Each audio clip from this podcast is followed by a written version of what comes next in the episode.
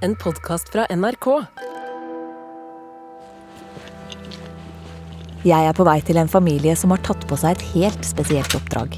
Hei, hallo, hei. Hyggelig. Så hyggelig, jeg fant fram. Ja, så bra. Det var hit toåringen ble sendt da mammaen hennes brøt sammen og ga fra seg omsorgen. Er det her jeg tar av meg skoa? Ja, det gjør du. Her skal jenta bo fram til barnevernet finner ut hva som er best for henne på lang sikt. Skal toåringen tilbake til moren sin? Da starter jeg opptakeren, jeg. Ok? Ok, Kan faren få tilbake omsorgen? for det er jeg er faren hennes. Sånn er det. Eller må barnevernet finne en annen løsning? Hun trenger stabilitet, hun òg. Hun trenger å vite at omsorgspersoner er der over tid. Samtidig øker bekymringen for tenåringen. Det haster med å finne et fosterhjem til henne. Det er denne familien, denne jenta. Det er hun jeg tenker på gjennom hele dagen, og jeg tenker på henne på fritida. Alt handler om å prøve å få til noe for eh, denne jenta. Jeg heter Marit Evertsen Grimstad, og i denne podkasten får du bli med på innsiden av barnevernet. Av hensyn til barna er alle medvirkende anonymisert. Noen faktaopplysninger er endret, og intervjuene med Oda gjengis av en skuespiller. Dette er tredje episode.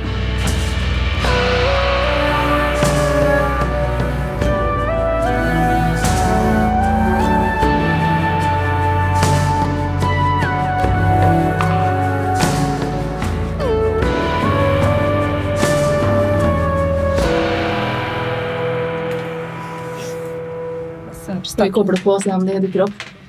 Hallo! Oi. Jeg sitter på et av barnevernets møterom sammen med Marte og en kollega. Du er muta. De prøver å koble opp et Teams-møte. Nå er det mange aktører som samarbeider om å finne en løsning for toåringen. Ser dere oss mer nå? Ja, ser dere i hvert fall litt grann halvveis i hvert fall. Det er Bufetat, eller Barne-, ungdoms- og familieetaten, som har innkalt til møte. Velkommen til møtet. Det er de som har ansvar for å finne nye hjem til barn som ikke kan bo hjemme. Så det er de som har ansvar for eh, innkallingen til samarbeidsmøtene. På to timers varsel klarte de ikke å skaffe et av sine egne offentlige beredskapshjem, og måtte gå til en privat aktør. Det er vel sånn som vi gjør av og til når vi ikke har noen egne statlige tiltak. Så må vi kjøpe eh, private beredskapshjem. I dag skal de snakke om hvordan det går med toåringen etter at hun ble flytta, og hva som skal skje videre. Skal vi gjøre sånn at vi tar en oppdatering fra barnevernstjenesten først? Mm. Mor er skrevet ut sist jeg snakka med henne, eh, så hun eh, bor hjemme alene. Så tenker at eh, neste uke at vi skal ha et nytt møte med mor for å ja, snakke om veien videre, da. Det er Marte som har hovedansvaret i saken. Som saksbehandler må hun sørge for at toåringen får den omsorgen hun trenger, både på kort og lang sikt. Vi tenker jo at eh, jenta verken kan flytte hjem til mor eller far sånn som ting er nå. Vi er jo ikke villige til å risikere at det går gærent for jenta sin del. Det må vi være sikre på. For vi kan ikke eh, flytte hun fram og tilbake. Det har gått noen uker siden Marte satt i baksetet på en bil med toåringen ved siden av seg. Da har vi fått en eh, adresse og et navn. Toåringen har vært på flyttefot flere ganger sammen med mammaen sin. Først til et krisesenter, så til et familiesenter. Nå er hun plutselig på vei til et beredskapshjem uten mamma. Hun eh, litt mer sånn betenkt eh, jenta sitter i bilen, ser litt på meg. Og mamma var ikke i bilen. Og igjen så prøver jo vi å Å, nå skal vi kjøre bil, og se her er bilen, og tok med noen leker og Samme dag er en annen mamma ute og kjører bil med datteren sin. Og så fikk jeg telefonen, ja. Er du hjemme? sa jeg nei, det er jeg ikke, men hva tenker du på? Anita vet ikke at dette er dagen hun skal bli beredskapsmor. Nei, vi har en jente til det her. Så jeg lurer på om dere kan ta opp til vurdering. Eh, Men det må gjøres ganske raskt, for hun kommer om ca. to timer. Anita har aldri vært beredskapsmor før. Hun og kona hadde egentlig meldt seg som fosterforeldre. De var godkjent for oppdraget og innstilt på å ta imot et barn som skulle være hos dem lenge. Nå blir de i stedet spurt om å være et midlertidig hjem for en toåring i akutt krise. Det var Jeg har ikke bleier, jeg har ikke seng, jeg har ikke ingenting. Hva gjør jeg nå? Hvordan skal jeg organisere det? Rekker jeg å handle? Rekker jeg ikke å handle? Ja, det var egentlig tusen tanker som gikk gjennom hodet. Og så ringte vi til venner som vi visste hadde barn i den alderen. Så de bare hev seg rundt og pakka bager med klær og bilseter og vogner og det som var. Så det meste var, lå i en haug da når det gikk om. Når vi kom fram, så tok henne ut eh, av setet og bar henne opp til huset. Og da klamra hun seg Jeg husker hun klamra seg veldig sånn til meg, da. Hun skjønte nok at noe skulle at, Ikke sant. Vi var i et nytt hus, det var nye mennesker. Kjempehøy puls. Ja. Det var tusen tanker og følelser og Jeg åpner døra, der står det to veldig blide og hyggelige damer med en liten, liten litt bekymra jente. Hun så prega ut av situasjonen, som har dratt fra mammaen sin på senteret. Så hun gråt, hun var lei seg og pekte på døra. Ga veldig sånn uttrykk for at hun skulle opp på fanget, hun skulle ikke ned på gulvet. Det, er, det fins ikke en skånsom måte å gjøre det her på. Uansett hvor lenge vi hadde vært der nå, så, så er det på en måte der hun skulle være igjen. Hun skulle ikke bli med oss noe sted. Og for at beredskapshjemmet skulle få ro til å bli kjent med henne, så måtte vi på en måte si sånn at jeg tror vi drar nå. Å være beredskapshjem er en fulltidsjobb. Anita er kjøpt fri fra sin egen jobb for å ha fullt fokus på toåringen. Nå skal hun bli den tryggeste voksne i toåringens liv for en periode. Så da ble hun satt over på mitt fang. Og der ble hun egentlig sittende, ja. Hun satt bare og holdt og titta. Til ganske langt utpå kvelden. Så kom eh, dattera vår hjem. Så hun satte seg i stolen ved siden av meg, og så satt hun og sang for henne. Og da fikk de en sånn liten eh, connection. Så da fikk eh, dattera vår et smil, og så sa hun mer, sa hun.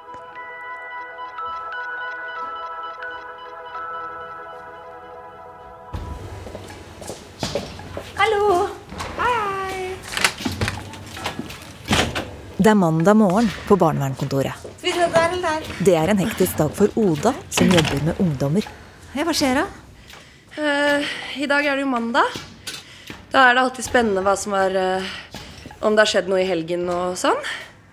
Så eh, Det er noen dager siden hun og en kollega dro hjem til tenåringen for å fortelle at barnevernet ønsker å finne et fosterhjem til henne. ja, Nå høres jeg veldig andpusten ut, men det er bare fordi jeg har eh, gått en liten trapp. Så da blir jeg det. Oda var redd for at jenta skulle rømme. Det gjorde hun ikke. Men forholdene hjemme har ikke blitt noe bedre. Det er fortsatt ingen som helt vet hva hun driver med når hun skulker skolen og drar ut på kveldene. Eh, nei, mor har sendt melding på lørdag eh, hvor hun skriver at eh, jenta har det ikke bra. I tekstmeldingen står det at foreldrene mistenker at tenåringen drikker alkohol og røyker hasj. De skjønner ikke hvorfor ikke barnevernet har plassert henne i et fosterhjem for lenge siden. Um, så de er jo kjempebekymra, med god grunn. Og eh, jeg er jo også det. Tenåringen har det ikke godt nok hjemme. Derfor har barnevernet startet jakten på et fosterhjem. Men det kan ta lang tid. Samtidig har jenta rett til medbestemmelse, så Oda må fortsatt prøve å få tak i henne. Avgjørelsen er jo tatt, men hun kan jo ha masse å si på hvilken retning vi tar videre, da. Om det handler om Er hun opptatt av hvor i landet hun vil bo? Er hun opptatt av hva slags familie det skulle vært? Barnas stemme påvirker beslutningene vi tar. Så det kan hende vi tenker litt annerledes hvis vi vet litt mer hva hun vil. Men vi må også på en måte på vegne av henne si noe om at dette er for dårlig omsorg. Barnevernet har plikt til å gripe inn hvis de mener barn får for dårlig omsorg. Det står i loven. Og Oda mener at denne jenta får for dårlig omsorg. Men barnevernet skal også styre etter det som kalles minste inngripen. Altså gripe inn på den mildeste måten de kan. Det er mildere å hjelpe jenta hjemme enn å flytte henne. Og det er mildere å flytte henne frivillig enn å tvinge henne. Men hva skjer da, hvis tenåringen absolutt ikke vil i fosterhjem? Eh, hvis hun ikke vil flytte seg, så har ikke jeg noe myndighet akkurat nå til å tvinge henne til det. Hvis det er tvang, så er det ikke vi som bestemmer det. Da, da Det er det nemnda som bestemmer om vi har rett til å utøve det, da. Nemnda, eller Barneverns- og helsenemnda som det egentlig heter, er et uavhengig organ som fungerer omtrent som en domstol. Vi har tolv sånne nemnder rundt omkring i landet. Agder, Innlandet, Møre og Romsdal, Nordland, Buskerud og omegn, Oslo og omegn, Rogaland, Troms og Finnmark, Vestfold og Telemark, Vestland, Trøndelag, Østfold. Og det er de som avgjør alle barnevernssaker som innebærer bruk av tvang.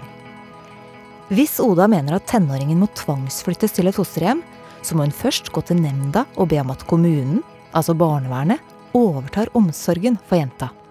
Så kan tenåringen flyttes mot sin vilje.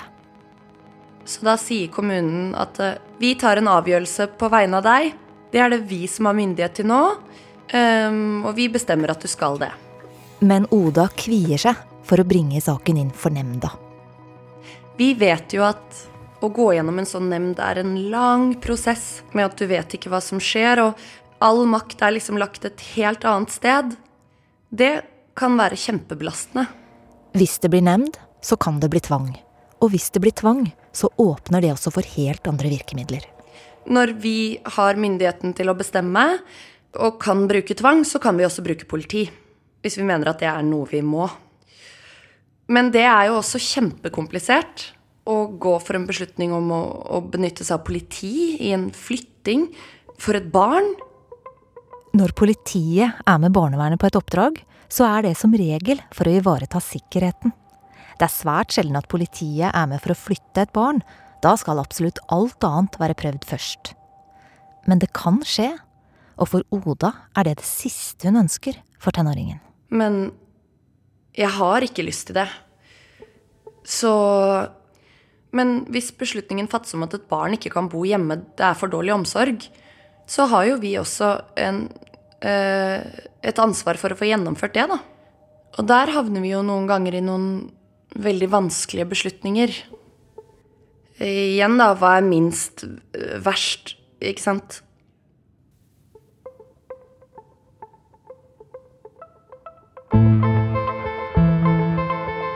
For å unngå at saken havner i nemnda og ender med tvang, må Oda finne en løsning som jenta kan bli med på. Jo, jeg tenkte jeg skulle ringe nå. Nå må hun både prøve å få tak i jenta, og prøve å finne et fosterhjem. Jeg ringer først til fosterhjemstjenesten. Jeg har ringt to ganger i dag, men de har sikkert hatt lunsj. Men hun vet at det kan ta lang tid å finne noen. Velkommen til Barne-, ungdoms- og familieetaten og direktoratet. Vær vennlig og vent på svar. Ja Velkommen, Nasjonal sentralbord. jeg, Hei, jeg har prøvd å få tak i fosterhjemstjenesten i dag, men jeg har ikke fått noe svar ennå. Kunne du satt meg over? Skal forsøke. Takk.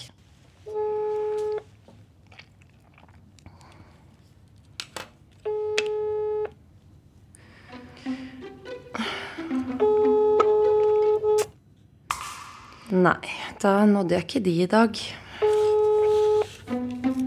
Bare sånn hvis jeg bare ringer lenge nok. Jeg ringte i tre minutter i stad. Det var ingen som tok den. Nei, her er det vel ingen som svarer. Eh,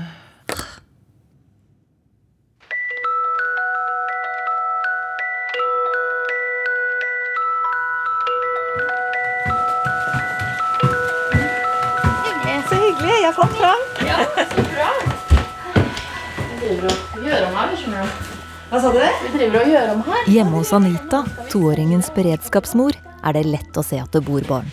Skal jeg lukke? Lekekroken er full av bøker og spill, bamser og en liten rosa dokkevogn. Her har toåringen blitt varm i trøya. Sånn som nå, så kan jeg si for eksempel kom, så springer vi og henter en bleie, f.eks.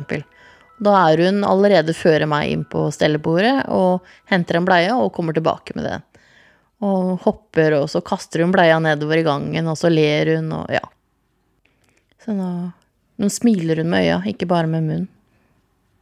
Anitas jobb er å gi toåringen trygghet og omsorg inntil barnevernet finner en mer varig løsning. Jeg er talerøret for eh, barnet, da. Som får litt beskjed om hva jeg skal gjøre, og jeg forteller hvordan det fungerer eller ikke fungerer, og ja. Før så dro jeg på jobb og gjorde det jeg skulle, og så dro jeg hjem og var ferdig med det. Men nå er jo um, jobben 24-7 hele tiden. Man må være tilgjengelig og åpen for de forandringene som skal skje. Anita er ansatt som beredskapsmor gjennom et privat firma. Da hun og kona bestemte seg for å bli fosterforeldre, gikk de på kurs og ble godkjent av Bufetat. Men de fikk raskt høre at de ikke kunne forvente samme oppfølging fra det offentlige som fra private barnevernsaktører. Og de hadde også da bedre oppfølging på det faglige og veiledning og sånne ting. Så det var, ja. Det er også en av grunnene til at det er akuttelefon som man kan ringe 24 timer i døgnet. Hvor kom den informasjonen om at det ikke var så god oppfølging? Eh, det sa de selv på kurset. At det var eh, At man fikk oppfølging fire ganger i året, sånn cirka. Og barnevernet kunne være vanskelig å få tak i. Eh, så det var hun veldig ærlig på. Og at det er avhengig av saksbehandleren man fikk. Så vi, vi ønska litt mer faglig veiledning, da. Bufetat presiserer at selv om de har ansvar for å skaffe fosterhjem, så er det barnevernet i hver enkelt kommune som har ansvar for å følge dem opp. Og de skal følge opp så ofte det er behov. Minimum fire ganger i året. Man tenker at uh, man vil gjøre en forskjell da, for det lille barnet vi har fått. Da. Gjøre hennes hverdag så god som mulig. Uh, og gi henne en god oppvekst. Uh, ja, og inkludere de familiemedlemmene som skal inkluderes. Anita er både fornøyd med samarbeidet med Marte og barnevernet, og oppfølgingen fra det private firmaet. Men hvor lenge toåringen blir hos dem, vet hun ikke. Det er ikke meningen at barn skal bo for lenge i et beredskapshjem. Vi koser og kysser og klemmer og duller og synger og Hun får sove i armene og ja, alt det som må, må til. Og du ser hun bare suger til seg alt hun får.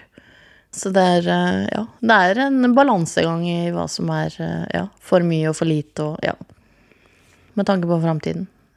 Hvis det er mulig, skal toåringen tilbake til foreldrene sine, og det må Anita legge til rette for. Hittil er det bare mammaen som har hatt samvær med jenta.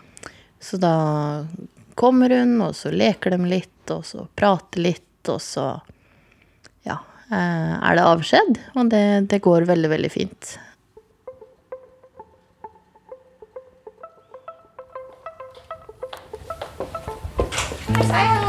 På barnevernkontoret er Marte og en kollega på vei inn til et nytt møte.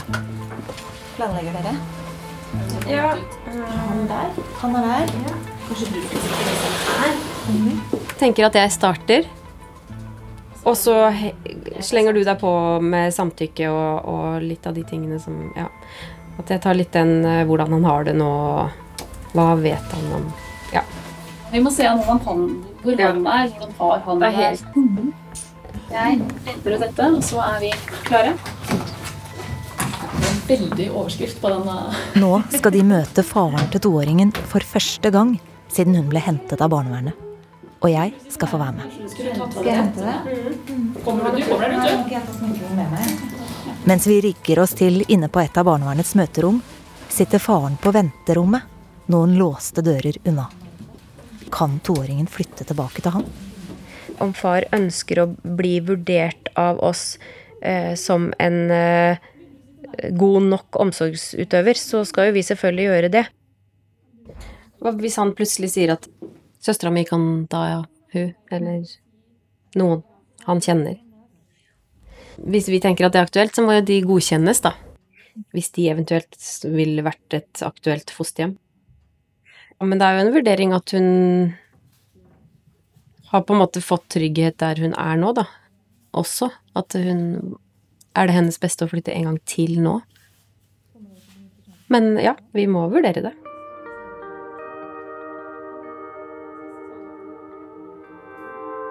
Barnevernet har plikt til å vurdere om barn kan bo hos noen andre i familien, eller noen i familiens nettverk, hvis de ikke kan bo hos sine egne foreldre. Man ønsker at barn skal beholde familietilknytningen hvis det er mulig. Pappaen blir hentet på venterommet. Hallo, hallo! Hei. Hei, hei. Marit fra NRK. Hei, kan du hilse ordentlig igjen, da? Litt vann? Ja, det går bra, det. Ok. Martha har ikke sett han siden han sto i håndjern med én politimann på hver side. Hvordan har du det? Ja, ganske greit. Det er ganske greit. Jeg syns jo at du ser litt eh, greiere ut nå enn enn, eh, når vi møtte deg sist på politistasjonen. Så ja. Mm. Mm. Etter en time er møtet over. Du, det var veldig fint å se deg i dag. Ja, ja. Takk for det. Er det noe du lurer på, så må du ikke være redd for å ta kontakt med oss. Hvordan syns du det her gikk? Ja, det gikk greit, men jeg vil helst ikke være her, da. Så I møtet fikk faren vite at datteren er plassert i beredskapshjem. Han trodde hun fortsatt bodde med mammaen sin. for å si det rett ut, så jeg liker ikke det. Jeg vil helst at foreldrene skal ta det sjøl, liksom. Uansett hva som er. Men å ta fra barnet fra et eh, far eller mor, det er Ja. Jeg har aldri støttet det her. Han vil kjempe for å få datteren tilbake. Så jeg syns det er negativt. Jeg syns alltid det var barnets beste er med sine egne foreldre. Uansett. Blodet er det beste. Jeg syns det. Når barnevernet er innblandet, så er det bare rot. så er det bare Ja. Der blir familien blir delt opp, liksom. Så jeg syns ikke det er så veldig lyst når barnevernet er i bildet. Da toåringen ble hentet av barnevernet, ble han pågrepet av politiet og siktet for vold mot kona. I leiligheten ble det funnet flere våpen. Han mener han ble lurt i en felle den dagen. Jeg kan ikke skjønne at dette dramaet kunne ha skjedd, liksom. Det er bare plutselig det bare kom, liksom. Jeg ble sjokka. Jeg ble lurt den dagen forresten. Jeg fikk bare masse politi inn i huset. Faren skjønner ikke hvorfor politiet ble tilkalt den dagen. Han sier at alle våpen var antikke og kun til hobbybruk. Politiet bekrefter at våpnene var demontert og ubrukelige. Han innrømmer at han slo kona én gang fordi han ble provosert. Det var ikke sånn meningsvold, liksom. Det er bare en obs. I ettertid har han fått en bot på 8000 kroner for vold, og han mener barnevernet ikke har vært interessert i hans side av saken. Jeg syns de står på en annen side enn på min side, liksom. Men sånn er det bare. Jeg syns de hører bare på den ene side, bare. Tenker du sjøl at du har evnen til å ta vare på henne alene? Ja da. Men jeg vet at jeg ikke er alene her. Jeg har familien sjøl òg. Jeg vil støtte meg på det. Første skritt for å kunne få tilbake datteren er å treffe henne. Om en uke skal han tilbake til barnevernkontoret. Da skal han få møte datteren sin for første gang på et halvt år, under tilsyn av barnevernet. Jeg vil helst ha samvær med ungen min hjemme hos meg sjøl. Så han føler det litt mer ja, fritt og Sånn skjer.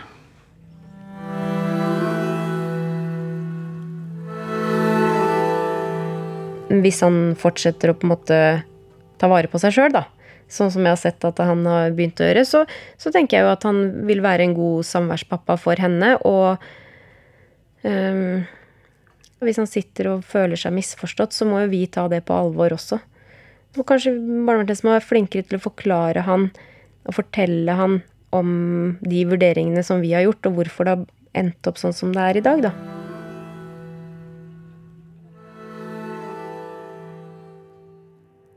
Det er Anitas oppgave å ta med toåringen til barnevernkontoret, sånn at hun kan treffe pappaen sin.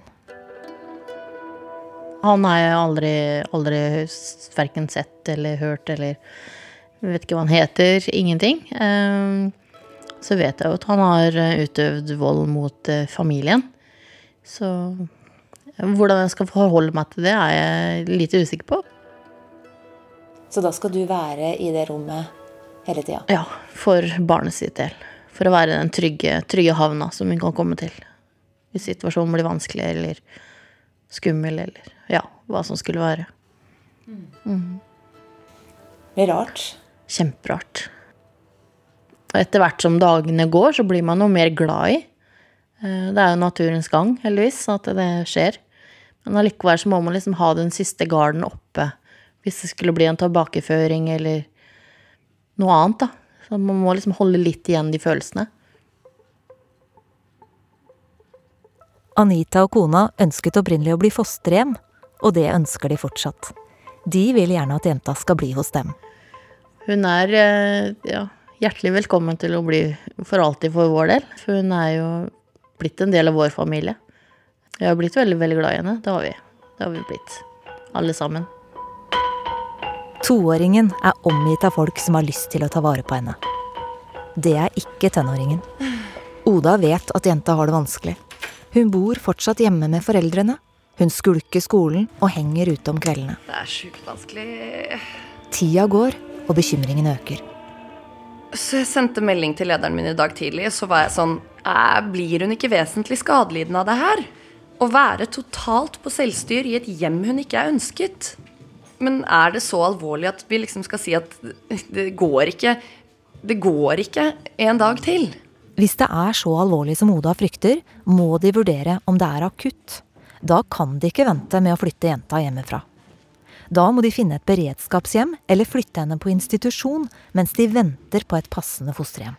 Men jeg lurer på hva som blir verst her, da. Det blir dritt å skulle på en måte flytte på dagen bare Ok, vi vil ikke ha det her lenger. Men er det ikke også dritt sånn som det er nå? Og det føler jeg oppsummerer veldig mye i den familien her. Det er Hva er liksom minst dritt? Det er kjipt og vanskelig på en måte uansett hvilke valg jeg tar, da. Det er sjukt vanskelig.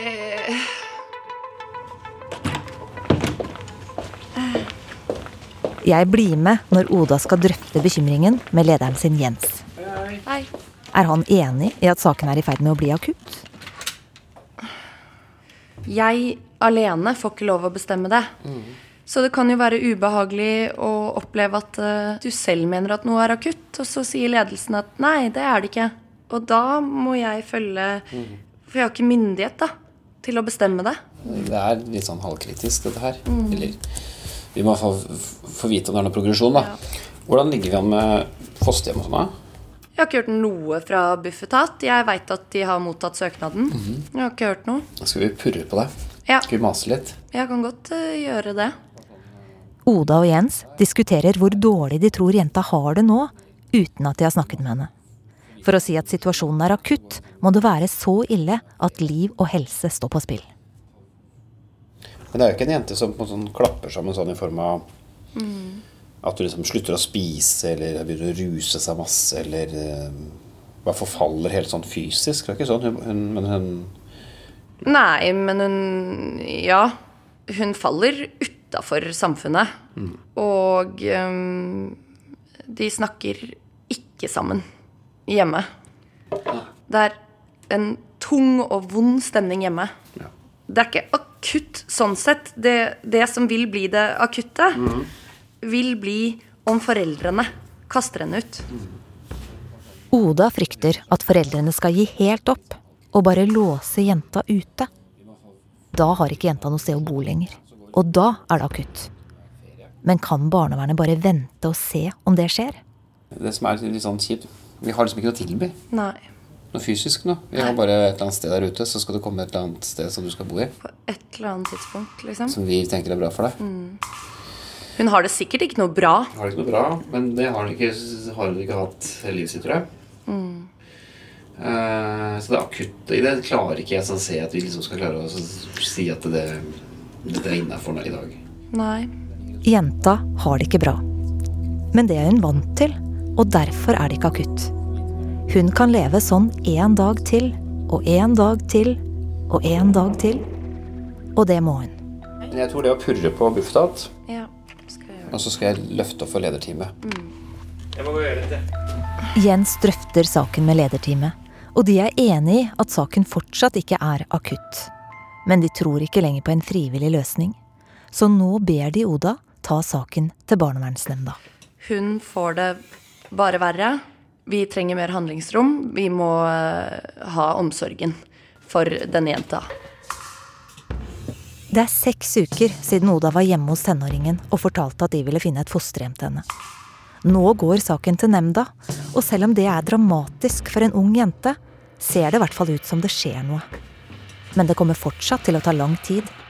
For situasjonen er jo ikke akutt. Det er tatt vanlig saksgang knyttet til en omsorgsovertagelse, og vanlig saksgang til en omsorgsovertagelse er eh, Det er ukevis med venting. Hvor fort kan dette skje, da? Det skal først formidles til familien før vi kan sende inn til nemnda. Og eh, så må de finne dato for den. Det kan ta noen måneder. Og så har de tre uker på å fatte vedtak. Det er en prosess. Det tar tid. Men eh, du er jo bekymra nå. Mm. Og dette er på en måte alle eh, saksbehandlers utfordring. Det er å stå i at noe er eh, bekymringsfullt. Vi skal holde i noe. Ikke sant? Vi tar en beslutning på at vi skal ha omsorgen, og så vet vi at eh, det er snakk om ganske mange måneder hvor vi skal både ha tatt den beslutningen og følge opp familiene før den saken i det hele tatt kommer opp. Så eh, det er jo det som i hvert fall jeg har kjent på veldig mange ganger som det er ubehagelig å stå i, da. Vi har bestemt oss på en måte for at noe ikke er holdbart. Og så skal vi kjenne på at det ikke er holdbart ganske lenge. Full tank. Dette blir fantastisk. Sånn. Kjør. Jeg sitter i bilen sammen med Marte. Nå skal vi besøke mor. Da har vi en litt kjøretur foran oss.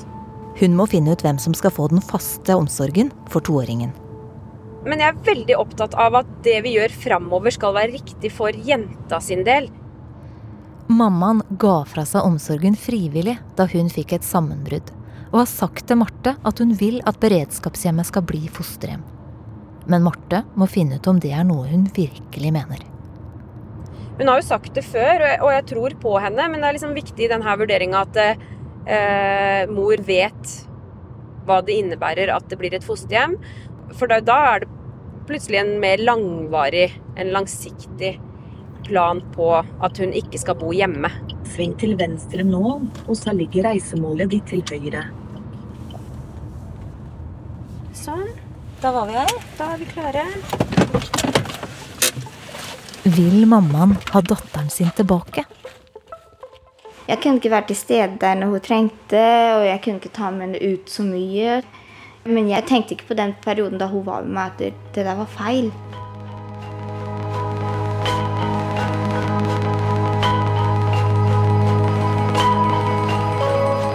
Du har hørt tredje episode på innsiden av barnevernet. Av hensyn til barna har vi valgt å anonymisere de medvirkende og barnevernkontoret vi er på. Vi har også endret noen faktaopplysninger. Episoden er laget av meg, Marit Evertsen Grimstad, lyddesigner Merete Antonsen, researcher Lisbeth Fauske Løland og prosjektleder Ida Skeie. Odas stemme leses av skuespiller Ingrid Giæver. Musikken er laget av Geir Sundstøl, og redaksjonssjef er Randi Helland.